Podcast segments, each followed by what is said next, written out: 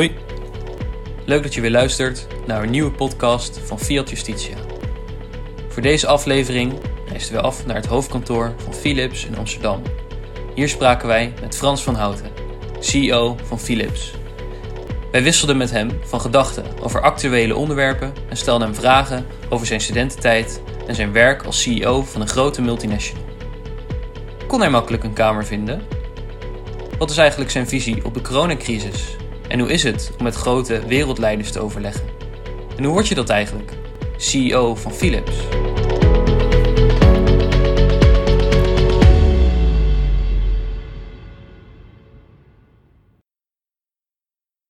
Nou, meneer Van Houten, leuk dat u uh, bij ons uh, kon aanschuiven. Welkom. Hoe, uh, hoe gaat het met u? Het gaat heel erg goed. natuurlijk, we hebben allemaal te lijden door de omstandigheden van de, de COVID-pandemie. Maar het gaat goed met mijn gezondheid, het gaat goed met mijn familie en mijn werk. Ik heb er heel veel plezier in, dus het gaat prima. Ja, dat mooi om te horen. nou, we willen graag beginnen met een blik terug naar uw studententijd. U studeerde economie aan de Erasmus Universiteit. Waarom heeft u voor economie gekozen? Ja, dat is een heel verhaal. Ik had eigenlijk voor geneeskunde gekozen. Uh, maar ik ben toen uitgeloot. Uh, dat was nog de tijd dat ondanks goede cijfers uh, je toch niet per se kon studeren wat je, wat je graag wilde. toen moest ik een brugstudie doen en dat werd economie in Rotterdam. En toen ik daar eenmaal in verzeild raakte, vond ik dat zo ook heel erg leuk. En toen ben ik het blijven doen. En het is wel natuurlijk heel frappant dat ik uiteindelijk aan het einde van mijn carrière toch in de geneeskunde ben terechtgekomen met, met Philips. Dus komt uiteindelijk dan toch allemaal goed. Maar economie uh, is voor mij een ontzettend interessante studie geweest. En ik denk ook wel dat een rol heeft gespeeld dat ik na die eerste twaalf maanden studie al zo diep in het studentenleven was verwikkeld. Uh, dat uh, ik het gewoon super leuk vond in Rotterdam en ook er niet meer aan dacht om daar een verandering aan te brengen. Waarom koos u dan voor Rotterdam? Omdat daar ook de misschien Erasmus MC de geneeskundige studie zat? Omdat u dacht, nee, ik, toen ik eenmaal besloten had als om, die, om economie, wat ook altijd een interesse voor me was, om economie te gaan studeren heb ik wel gezegd, ik wil bij de beste universiteit van Nederland dat doen. En voor bedrijfseconomie was dat, was dat Rotterdam. ik kwam uit Eindhoven, toch een beetje de provincie. En voor mij was de stap naar Rotterdam geweldig interessant. En ik heb het ook heel erg dynamisch altijd ervaren. Um, ja, in Rotterdam doen we dingen. Hè? En, dus het was een hele ondernemende stad voor mij. Erg fascinerend. En ik was ook blij dat ik toen uit Eindhoven weg was. Ja, Rotterdam is best wel een, zeker vroeger, was best wel nog een stad in opbouw weer.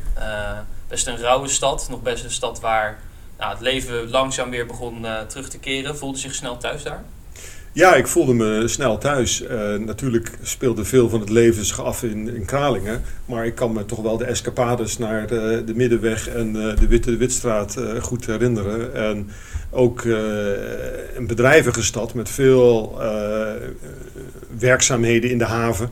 je kon haven, boten helpen lossen, auto's uitladen. Er was altijd geld te verdienen. er was altijd veel te doen. Ik ben het eens met uh, je opmerking over een wat rauwe stad. Uh, als ik vanuit Kralingen naar uh, het centrum van de stad liep, dan waren er nog grote stukken kaal, open. in 1978 waren er nog grote gaten in Rotterdam. Um, maar het had ook wel weer charme, want die dynamiek van opbouw was natuurlijk ook heel interessant. Uh, u vertelde over een aantal ervaringen dat u zich snel thuis voelde en escapades naar de Witte de Witstraat. Hoe heeft u verder uw, uh, tijdens uw studententijd uw horizon verbreed? Was u, bij een uh, aantal verenigingen? Ja, er is natuurlijk veel te doen naast je studie. dat was vroeger ook al zo en nu ook. Heeft u daar ook aan deelgenomen? Ja, zeker. en vrij breed. Ehm, de studie vond ik niet moeilijk. ik had dus ook veel tijd. En uh, eigenlijk, uh, ik ben meteen lid geworden van het uh, Rotterdam Studentenkoor. Eh, wat geweldig leuk was. Ehm, maar ik ben me ook gaan inzetten voor studieverenigingen. Bijvoorbeeld ISEC ben ik bijgegaan. En ehm, ja, dan uh, werkzaamheden, bijvoorbeeld werken in, in Locus Publicus op de beneden OC-dijk. Ehm, en van het een kwam het ander. Er was altijd veel te doen. En ik heb heel veel vrienden leren kennen in die tijd. dus voor mij was het ook wel ja, een soort maatschappelijke verbreding na mijn schooltijd. dus ik vond het geweldig. Loop is natuurlijk een echte speciaalbierkroeg. Wat is dan uw favoriete speciaalbier? Uh, uh, wit bier, Hoegaarde. Top. Uh, ja. tegenwoordig zou dat Amsterdam eiwit zijn trouwens. Ja, die is ook lekker, zeker. um, ja, veel studenten ervaren tegenwoordig dat het toch wel, ook in Rotterdam, lastig is om een kamer te vinden. Um, het wordt steeds, studeren wordt ook steeds duurder, geven veel studenten aan. Wat waren uw ervaringen? Vond u het moeilijk om een kamer te vinden of ging dat heel makkelijk? Nee, dat was best moeilijk. En uh, ik kende eigenlijk in het begin uh, niemand. Uh, en dus die eerste paar weken heb ik gelogeerd. En daarna ben ik gaan aanbellen in Kralingen langs huizen van heeft u misschien een kamer? En de eerste vier maanden heb ik in, in, doorgebracht bij een hospita. die ik gevonden had via het aanbellen. Dus dat was best wel spannend. En toen ben ik in, uh, na een paar maanden in een studentenhuis gekomen. Was het een uh, leuk huis? Spreekt u die mensen nog wel eens? Of, uh... Ja, het was een ontzettend leuk huis. En sowieso de vele vrienden die ik heb opgedaan in, in de studententijd, zowel in het huis als in de vereniging, die spreek ik nog allemaal. we hebben natuurlijk, dankzij WhatsApp is het ook heel erg makkelijk om nog heel veel contacten te onderhouden. Uh, maar het is super leuk om te zien hoe uh, iedereen uh, zich ontwikkelt en we houden nauw contact.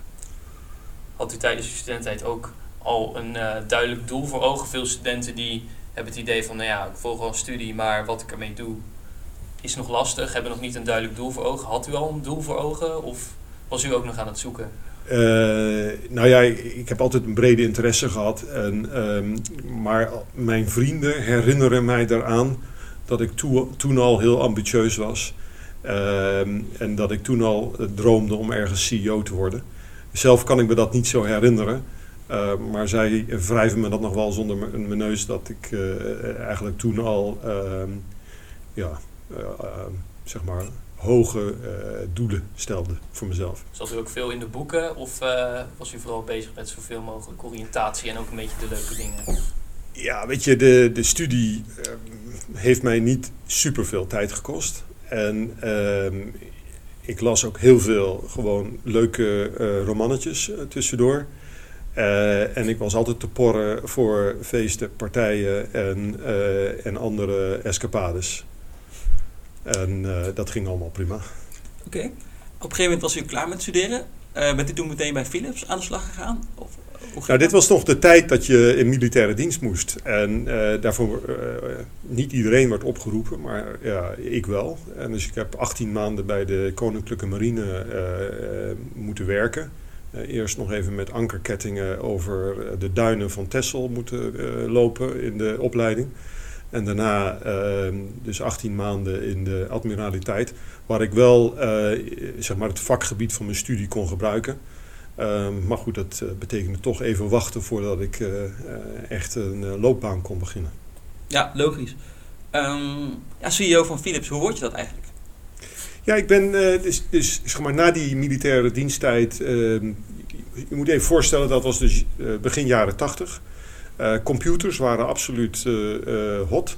Ik had ook mijn eerste computer al in mijn studentenkamer in die tijd. Dus ik wilde heel graag verder in de informatica. Uh, Philips had toen nog een informatica-divisie. Uh, daar heb ik gesolliciteerd en daar kreeg ik een, een traineeship.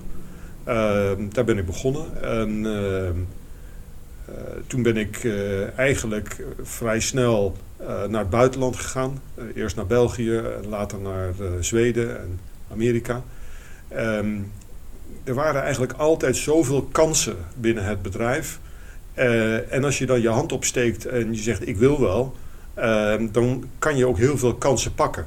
En dus ehm, de eerste jaren van mijn carrière waren ja, best wel gewoon ondernemend, uh, spannend. Je kon altijd nieuwe dingen ontdekken, uh, uitdagingen aanpakken. En op je vraag van uh, hoe word je CEO, Dat is, dat is wel een beetje zo. Je moet wel op een gegeven moment zeg maar, telkens jezelf verder ontwikkelen.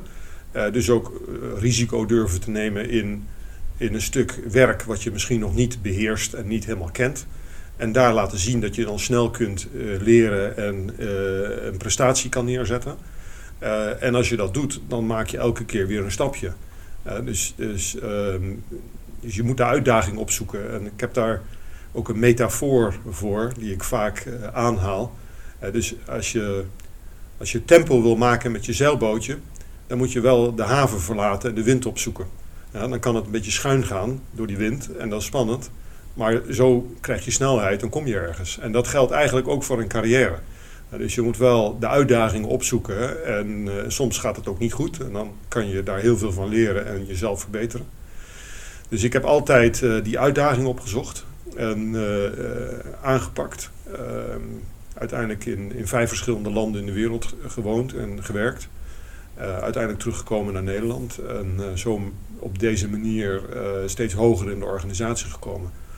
Um, ergens begin van deze eeuw heeft eh, Philips de, de semiconductoractiviteiten verkocht. Toen ben ik mee verkocht. Dat was ook spannend, want dat werd gekocht door de private equity investeerders. En daar heb ik ook heel veel van geleerd. Um, en toen ben ik in 2011 teruggekomen, teruggevraagd om terug naar Philips te komen. En dat was wel goed, want toen had ik dus eigenlijk zowel de ervaring binnen Philips als ook een aantal jaren ervaring Ehm, van buiten Philips. Met, uh, met een andere dynamiek. Met private equity investeerders die toch heel anders tegen prestaties aankijken dan wat ik gewend was binnen Philips. En dat, dat was dan het begin van, van mijn tijd als CEO in 2011. Wat zijn dan die, die wat moeilijke momenten, die schuine momenten die u beschreef? Zijn er dingen waar u tegenaan bent gelopen? Natuurlijk, natuurlijk. En dat kan op meerdere vlakken zijn. Uh, je, kunt, je kunt een fout maken, bijvoorbeeld qua prestatie. En zelfs je baan verliezen. Dat is me ook wel eens een keer overkomen. Dat, dat is die tijd geweest dat ik voor NXP werkte. Dat mensen zeiden van, ja, weet je, nou moeten we iemand anders hebben. Nou ja, oké, dan moet je heel erg slikken en dan weer op gaan staan en weer beginnen. Maar het kan ook zijn dat je iets moet leren op het gebied van leiderschap. En ehm, in, uh, uh, ik herinner me dat ik op een gegeven moment ge, gevraagd ben om naar Azië te gaan, om daar de baas van Philips Azië te worden. Met specifiek de opdracht, weet je Frans, dat is goed, want dan kan je een keer leren wat mensenleiderschap inhoudt.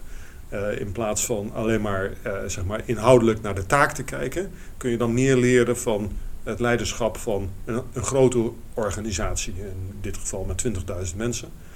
Uh, en dat was voor mij ook zeer leerzaam om, om meer te concentreren op het, op het people leadership in plaats van op zeg maar, innovatie of op andere aspecten van het werk. Wij zijn natuurlijk van de juridische faculteitsvereniging. heeft in uw werk nou veel te maken met juridische zaken? Ja, dat heb ik zeker. Kijk, uh, het, de lol van uh, het zijn van de CEO is dat je uh, met heel veel vakgebieden moet bezighouden. Variërend van innovatie, productie, commercie, maar ook de juridische zaken. En um, er zijn heel veel raakvlakken. denk maar aan het maken van contracten met klanten of leveranciers. maar ook bijvoorbeeld het thema corporate governance van hoe moet je nou een bedrijf besturen en wat voor eisen worden daar gesteld. En eerlijk gezegd worden daar steeds meer eisen gesteld aan hoe je een bedrijf leidt. er zijn maatschappelijke verwachtingen. Je kent het begrip maatschappelijk verantwoord ondernemen, uh, in het Engels ESG. Eh, en er zijn allemaal eisen uh, qua governance, compliance, maar ook sociale rol van een maatschappij, van een onderneming. en ook ten aanzien van het klimaat. En eigenlijk zit overal in al je activiteiten zit een juridische component. Uh, van wa uh, waar moet je je aan houden? Uh, hoe manage je je risico's? wat voor contracten heb je daarvoor nodig? En ik werk heel nauw samen met de, de juridische afdeling. En ik heb ook in mijn managementteam overigens iemand, ook uit Rotterdam, oh. die daar ook heeft gestudeerd. Dat is een, een vakgenoot van jullie. Oh, top. Nou, die staan vast, uh, vast heel goed. Um, Philips focust zich eigenlijk steeds meer op, op gezondheid. en tijdens de coronacrisis wilde eigenlijk heel de wereld beademingsapparatuur hebben. er was veel meer vraag dan de aanbod was. Hoe gaat u met zo'n moeilijke beslissing om? Philips moet dan eigenlijk bepalen waar die apparatuur wel heen gaat. Ja, het was een hele spannende tijd in 2000, begin 2020. Wij zagen al vroeg in 2020 in China uh, het coronavirus om zich heen slaan. En toen al realiseerden we ons dat we moesten gaan kijken naar onze waardeketen, de, de, zogenaamde supply chain. Um, en we zijn toen vroeg in, in 2020 um, gaan nadenken over hoeveel productiecapaciteit moeten we eigenlijk hebben. En uh, dat konden we heel moeilijk inschatten. Maar we hebben toen al besloten om uh, een enorme capaciteitsuitbreiding te realiseren. Uh, kun je je voorstellen, we zaten midden in de lockdown in maart. En toen hebben we besloten om 100 miljoen euro extra te investeren. om een vervijfvoudiging van de productiecapaciteit te bewerkstelligen. Ehm, we zijn toen over de hele wereld gaan telefoneren van we hebben componenten nodig, we moeten extra fabriekshallen inrichten. Uh, en dat is heel goed gelukt. Desalniettemin uh, was er een groot tekort. Uh, ondanks dat we zoveel meer geproduceerd hebben. we hebben voor een, een, miljard euro extra producten geproduceerd. om aan die vraag te voldoen en toch was er tekort. En dan krijg je telefoontjes van de White House van uh, de Europese Commissie, uh, van de Wereldgezondheidsorganisatie. Want iedereen gaat aan je trekken om uh, allocatie te krijgen van die schaarse middelen. Um, we hebben toen op een gegeven moment een, een richtlijn voor onszelf opgesteld. dat we de, eigenlijk de, de concentratie van COVID zouden volgen. wat ik daarmee bedoel is, is de Health Organisatie die publiceert waar zijn uh, de meeste uh, infecties en waar zijn de grootste tekorten aan ziekenhuiscapaciteit. En uh, daar zijn we het eerst aan gaan leveren. En dus we hadden daarmee eigenlijk een soort objectieve maatstaf gecreëerd van hoe we ook ethisch gezien om moesten gaan met de allocatie van die schaarse middelen. En ehm, daarmee konden we ook onze rug recht houden om te zeggen, nou, zo doen we het. dat konden we ook publiceren. Uh, en uh, dat bleef, bleven wel hele moeilijke discussies. Vooral ook als je onder druk gezet wordt door de White House. Ja, hoe ga je daarmee om? Uh, en eh, in Amerika, we hadden het net over de juridische aspecten van zaken doen. in Amerika was het de Defense Production Act, de DPA, waarmee de Amerikaanse overheid ook kon afdwingen dat productie gemaakt in Amerika voor Amerika gebruikt zou gaan worden.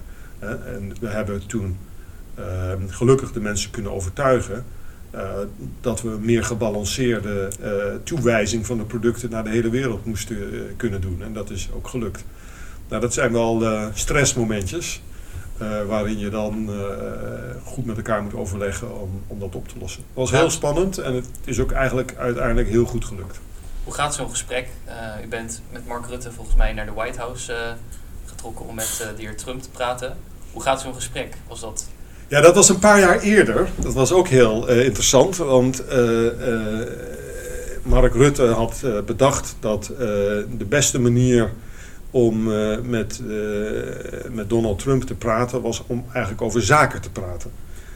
dus de heer Rutte heeft vijf CEO's uitgenodigd om mee te gaan. En gezamenlijk zijn we in de White House geweest om te spreken uh, met uh, Trump en zijn kabinet. En we mochten allemaal vijf minuten pitchen en een, onderwerp op tafel leggen. En ik heb toen gesproken over gezondheidszorg en hoe we de Amerikaanse regering zouden kunnen helpen om, om onder andere de veterans van betere zorg te voorzien. En uh, daar kwam een hele goede reactie op. Uh, het was natuurlijk ook bewust een, een, onderwerp gekozen wat goed zou vallen. Uh, en er is eigenlijk toen meteen actie genomen door de White House om daar dat te helpen realiseren. Maar dat was al een paar jaar voor eerder, hè, in, in, een paar jaar eerder in mijn, in mijn loopbaan. Ja. Om dan toch nog heel even terug te komen op corona. Uh, ondanks dat, je, uh, dat bij Philips een, een objectieve uh, maatstaf is gesteld om daarmee om te gaan, wat doet zo'n druk dan persoonlijk met u? Ja, ik, ik vind het altijd wel lekker om onder druk te werken. dus ik kan daar goed mee omgaan. Dat geldt niet voor iedereen. Sommige mensen krijgen van stress veel spanning. Um, ik vond het een, een, een interessante tijd. Um, je moet je leiderschapsstijl aanpassen in de tijd van een crisis.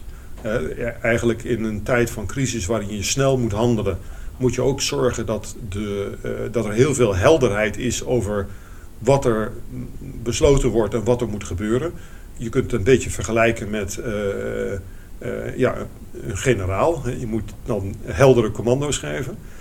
maar je moet ook heel goed luisteren naar je mensen van wat er speelt en wat ze nodig hebben. dus een hele intensiviteit. Um, ik vond dat, uh, ja, zoals ik al zei, interessant en ik kan daar goed mee omgaan. En je moet dan ook heel goed de, de positieve spirit handhaven. Want als je mensen onder druk laat werken, dan moet het ook nog wel leuk zijn. En dat valt goed te combineren. En ik denk dat daarom dat we eigenlijk zo, uh, zo goed hebben kunnen opschalen qua productie en zoveel extra apparatuur hebben kunnen leveren.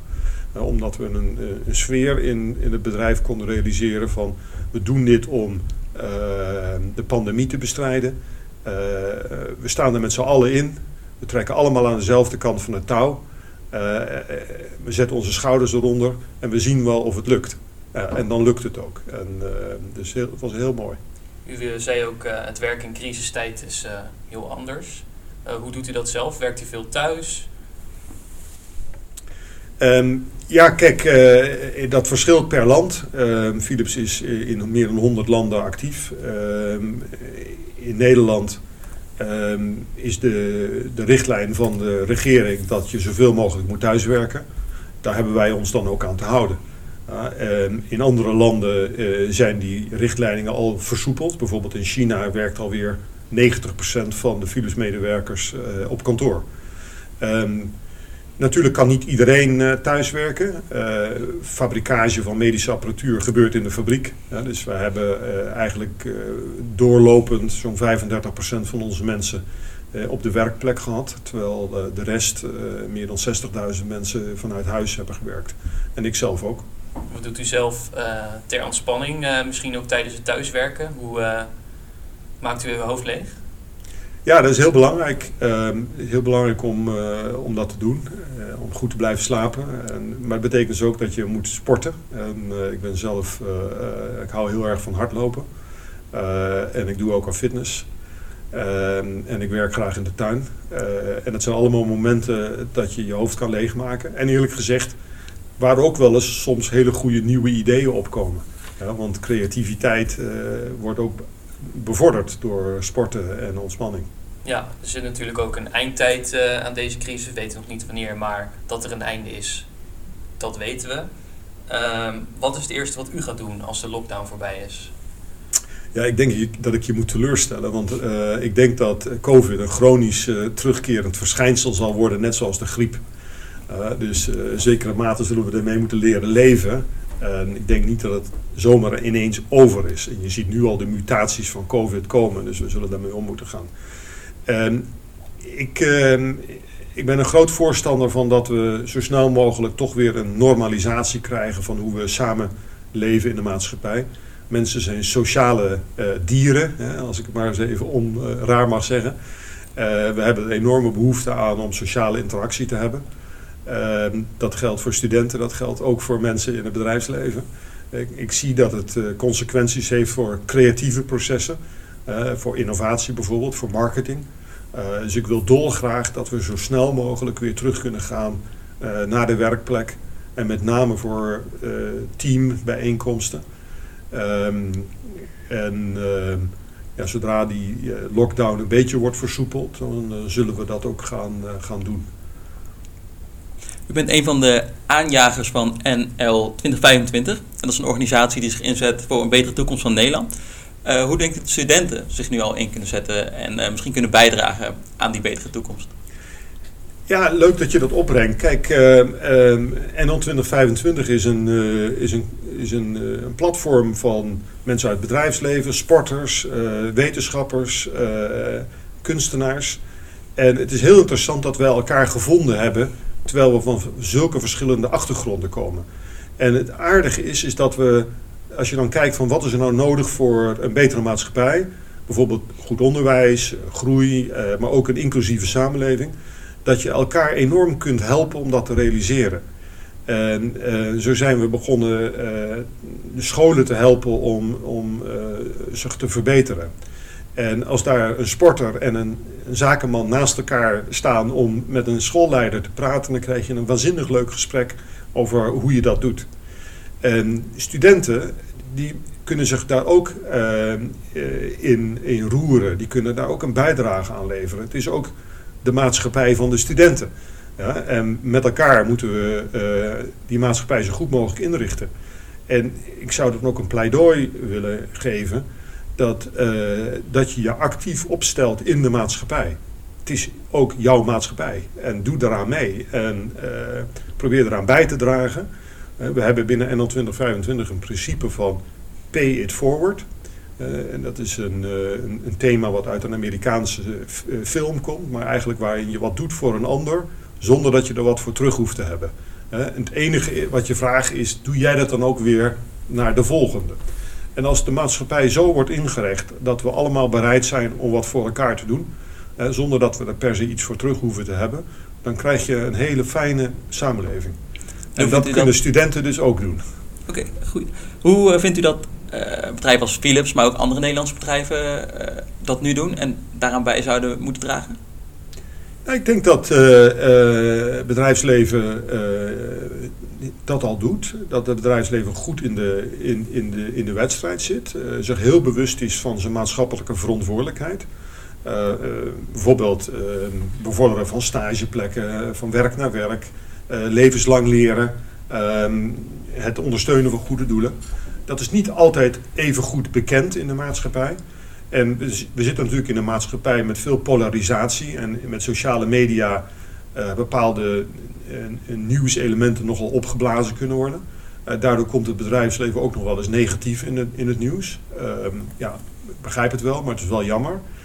Dus ehm, ik denk dat het bedrijfsleven ook eh, heel betrokken is bij een maatschappij waarin iedereen aan de bak kan komen. En daar willen we graag aan bijdragen. En dat is ook waarom ik het ook wel leuk vind om dit gesprek te voeren. Hè? Want dan kunnen we weer een beetje wat van elkaar leren en bewust zijn wat er allemaal speelt.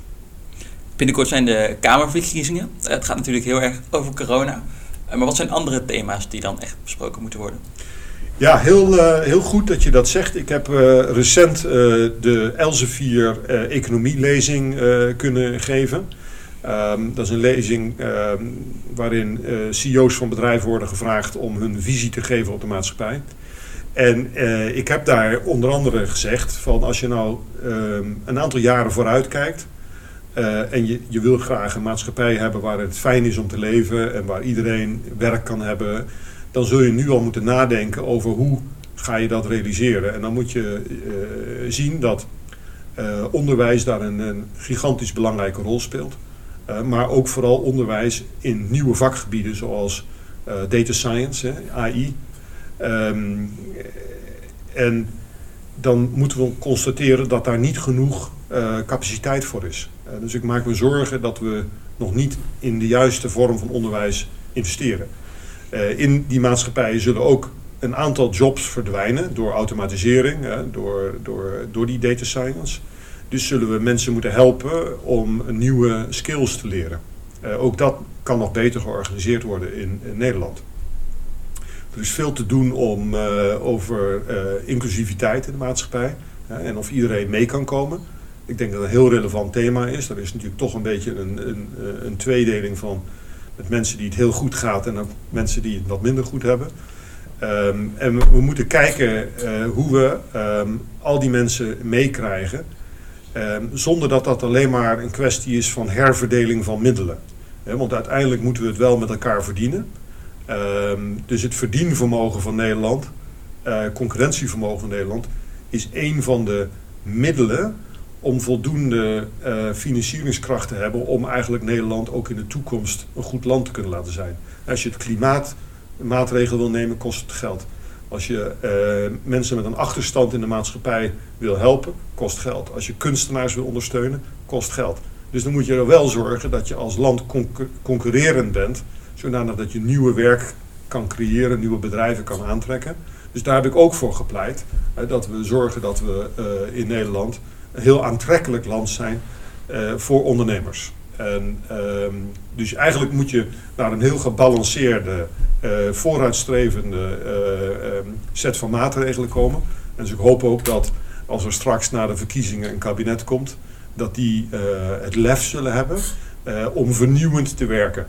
Want het gaat niet alleen maar om corona, het gaat juist om het realiseren van een vruchtbare bodem voor de toekomst van ons land. En daar heb je een vooruitstrevend uh, regering voor nodig die uh, goed de lijnen uitzet en, en, durft te investeren in de toekomst. Een beetje een afsluitende vraag. We zijn nu op het hoofdkantoor in Amsterdam van Philips. toen we in de trein zaten onderweg hier naartoe, vroegen we dat eigenlijk ons af. zijn jullie nou voor Ajax of voor PSV? nou, bij Philips zijn we natuurlijk voor PSV. de P van Philips zit in de P van PSV. Dus de Philips Sportvereniging. Ze zijn nu onafhankelijk, maar ze worden nog altijd door Philips gesteund. En, uh, en ik hoop natuurlijk dat PSV uh, eh, dit jaar gaat winnen. Oké, okay, dank u wel. Uh, nou, dit was ons interview met Frans van Houten. Hartelijk bedankt dat we u mochten interviewen. Ja, superleuk. leuk dat jullie gekomen zijn en blij dat ik er aan mee mag doen. Dank u wel. Bedankt dat je hebt geluisterd naar een nieuwe podcast van Fiat Justitia. Wil je meer podcasts beluisteren? Of ben je benieuwd naar andere vormen van content van Fiat Justitia? Kijk dan op onze Instagram, onze Facebook en onze website.